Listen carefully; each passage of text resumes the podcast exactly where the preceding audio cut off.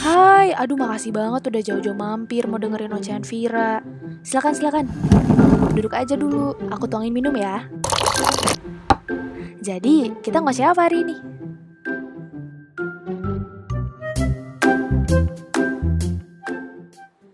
Hari ini, aku pengen ngoceh tentang kebencian. Dan konteks yang aku maksud hari ini adalah, aku benci sama senja. Enggak, enggak. Aku bukan benci karena merindukan senja entah bersama siapa yang seperti di puisi-puisi seperti itu ya.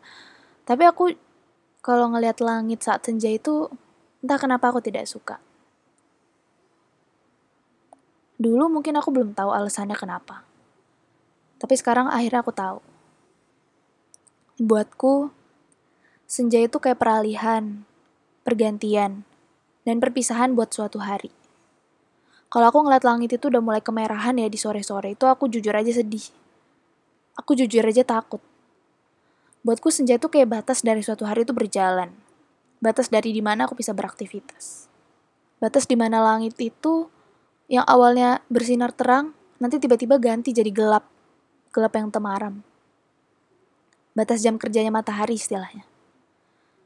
Buatku kalau aku lihat langit udah kuning, aku jadinya mikir, hari ini aku tuh udah ngapain aja ya? Apa aku udah menebar manfaat? Ya mungkin kalau masalah menebar manfaatnya kayak terlalu klise gitu ya. Cuma maksudnya kalau aku ngelihat langit udah menguning gitu aku malah mikir hari ini tuh aku udah berbuat apa? Apakah targetku hari ini tercapai?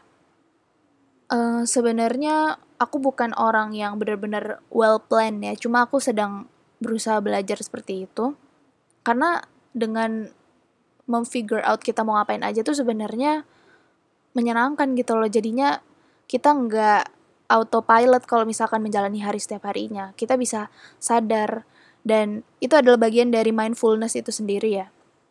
Dan ini sangat penting juga sih untuk dipelajari sebelum nanti kita menghadapi dunia yang sebenarnya yang pastinya akan lebih hektik ya pekerjaan ke depannya jadi ya intinya aku lagi belajar sih maksudnya untuk menjadwalkan mau ngapain aja. Dan dengan ada senja itu sebenarnya aku malah jadi kayak hmm, gimana ya sedih aja gitu loh kayak apa aku masih bisa ngelanjutin ya?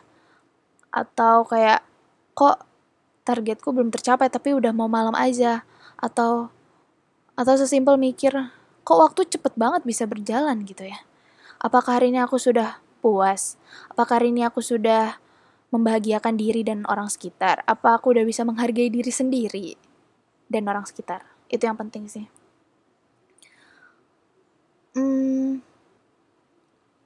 kalau misalkan kita mengacu ya, kan ada tuh surat Al-Asr ya.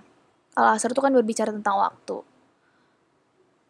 Enggak sih, apa ya, bukan di sini bukan tiba-tiba jadi kayak ceramah agama gitu, enggak. Cuma maksudnya gini loh kalau misalkan dibilang di surat Al-Asr tuh bener gitu.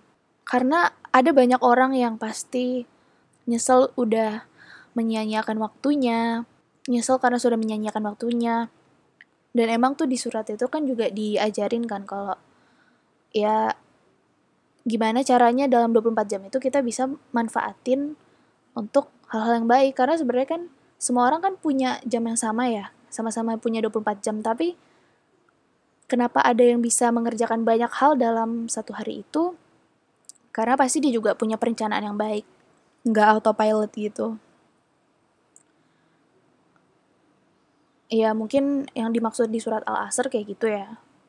Aku udah manfaatin waktu dengan baik atau belum sih? Kok sedih pas tiba-tiba pergantian dalam tanda kutip shiftnya matahari gitu? Um, Sebenarnya nggak mesti ini sih ya nggak mesti direncanakan detail semuanya kalau emang nggak biasa dalam realita sih mungkin kayak cukup sadar aja kita melakukan sesuatu. Nggak autopilot itu sih. Aku lupa dapet dari mana istilah autopilot itu tapi setelah aku pikir-pikir bener juga. Maksudnya kalau emang kita sebelumnya nggak tahu mau ngapain tuh kayak rasanya aneh gitu loh. Kayak nggak punya tujuan. Dan tidur tiduran aja terus tiba-tiba udah sore terus ngeliat langit udah kuning tuh aku aku sebel banget. Aku aku nggak suka nggak sukanya tuh karena sedih gitu loh. Apalagi kalau misalkan hujan ya. Justru menurutku ya hujan pas sore-sore itu lebih serem daripada kalau malam. Karena um, langit yang harusnya terang banget tiba-tiba drastis berubah jadinya gelap. Padahal masih ada matahari di sebelah situ gitu. Jadi ya mungkin sebenarnya aku bukannya bukannya benci ya tapi sedih sih lebih ke arah sedih uh, kayak aku udah berkali-kali ngulang ini ya. Ya sebenarnya satu-satu jalan yang paling gampang itu ya ya itu dia autopilot itu. Terus kita mungkin harus ini ya hmm, belajar buat sadar. Belajar buat nggak ngelewatin setiap momen kecil dalam hidup. Ya intinya belajar untuk lebih detail dan lebih mawas terhadap sekeliling gitu. Soalnya sering banget gitu loh dengan autopilot itu aku jadi ngerasa kayak kalau ragaku itu ada di sini tapi pikirannya melayang nggak tahu ke mana jadinya mikirnya ke mana-mana anyway aku dapat saran dari seseorang kalau misalkan kita lagi mumet banget kita bisa coba tulisin semua kemumetan itu di suatu kertas atau di HP. Terus habis itu kalau kita udah ngeliat itu semua, kita pasti bisa ngurain itu satu-satu sih masalahnya. Jadi dengan kita menuliskan itu, sebenarnya kita bisa tahu sebenarnya apa sih yang lagi kita pikirin. Kok bisa tiba-tiba pikiran yang kita melayang entah ke mana padahal harusnya kan kita enjoy the moment aja gitu. Aku seneng aku seneng banget ngeliat orang-orang yang bisa sebenarnya aku juga masih di tahap belajar ya tapi ketika aku nyoba kayak gitu rasanya lebih enak sih untuk bisa ngurain satu-satu to-do list hari itu dan toh akhirnya juga akan selesai. Karena semuanya itu dimulai dari kepala sih kalau aku pikir-pikir ya kayak dengan kita mikir macem-macem terus habis itu kayak rasanya tuh di kepala tuh jadi mumet kusut banget.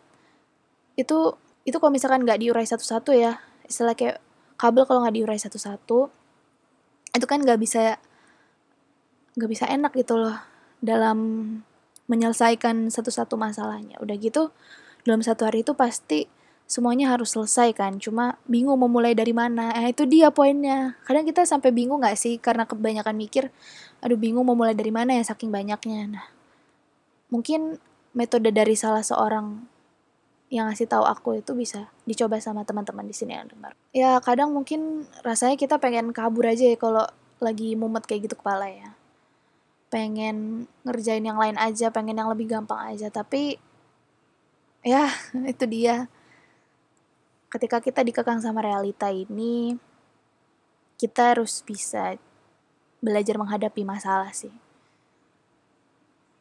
Ya itu dia sih, pendewasaan seperti itu sih kayaknya again teman-teman di sini disclaimer aku di sini karena memang konteksnya ngoceh ya jadi kayak aku menyuarakan apa pun yang ada di kepala aku jadi um, please jangan anggap kalau aku sudah melakukan ini semua karena nggak kita sama-sama belajar aja sih di sini cuma kayak aku mikir aja kalau ya ini bagian dari pendewasaan aja sih kayaknya gimana kita bisa menghadapi masalah dengan baik bukannya malah kabur dan belajar buat nguraiin satu-satu masalah. Kayak kata Kale ya di film uh, eh, NKCTHI, sabar satu persatu. Kayak gitu sih. Dan aku juga mikir kalau aku nggak boleh sedih sih kalau misalkan ada pergantian hari. Ya kita semua tahu kalau setiap pertemuan pasti akan ada perpisahan kan. Sama halnya kayak kita dengan matahari kita juga pasti akan berpisah sama matahari untuk kemudian digantikan sama shift bulan istilahnya. Dan sebenarnya bulan kan sama kan tugasnya kayak matahari. Sama-sama menerangi bumi ini juga gitu loh. Dan aku juga harus belajar sih paham kalau setelah pukul 6 sore itu juga masih ada kehidupan kok. Pasca matahari istirahat tuh ada kok yang gantiin. Dan dari situ juga kita bisa belajar kalau ya kalau emang kita tidak mencapai target dari hari itu juga, ya nggak apa-apa. Kan masih ada hari lain. Kan masih ada malam juga. Masih ada bulan yang mau nemenin kita beraktivitas. Masih ada bulan dan gape malam yang mau nemenin kita buat menyelesaikan semua itu satu persatu. Jadi ya mungkin sebenarnya aku juga harus belajar sih nggak nggak sedih dan gampang takut dengan adanya senja itu ya. Dan bukannya malah menyalahkan senja tapi harusnya aku lebih belajar untuk bisa ngurain masalahku satu persatu dan belajar buat menerima kalau semua itu ada waktunya sih. Kalau kita pasti akhirnya akan sampai ke garis finish, mau kita jalannya lambat atau cepat, semua itu pasti insya Allah akan sampai ke garis finish masing-masing. Jadi nggak apa-apa kalau terlambat sih. Better late than never, itu dia. Intinya selalu ada kesempatan baru kalau misalkan kesempatan sebelumnya belum bisa, cuma ya itu dia kita harus belajar dulu untuk ngurain masalah satu persatu dan belajar untuk nggak lari dari realita yang ada di depan kita sekarang gitu. Dan belajar buat nggak menyalahkan salah satu pihak. Itu sih. Kan soalnya kalau dalam konteksku ini kan aku kesel banget sama senja kayak kenapa sih kok ada senja? gitu loh. Mungkin di beberapa mata orang senja bisa jadi indah ya dan mungkin aku harus belajar buat ngeliat senja dari sisi yang lain sih dia bisa memberikan keindahan juga kok dan setelah itu juga digantikan sama malam dan purnamanya ya yang bisa nemenin kita buat nugas yang bisa nemenin kita juga buat menyelesaikan semua yang gak bisa diselesaikan ketika matahari nemenin kita. Aku mau ngucapin semangat buat teman-teman dalam menjalani harinya. Siapa pun yang lagi dengerin ini, mau pagi, siang, malam, senja. senja bahkan aku sebut paling terakhir. Ya, semoga ke depannya kita bisa... Kok kita sih? Mungkin aku kali ya Semoga ke depannya aku bisa belajar untuk melihat senja dari sisi yang lain dan makasih banyak udah mendengarkan ocehan aku. Pokoknya kita sama-sama belajar ya teman-teman. Kita sama-sama belajar mengimprove diri kita untuk bisa lebih baik dan terima kasih sekali lagi udah mau mampir dengerin ocehan Vira. Semoga dari ocehan ini ada seupil atau seuprit manfaat dan sampai ketemu lagi. Dadah. Assalamualaikum.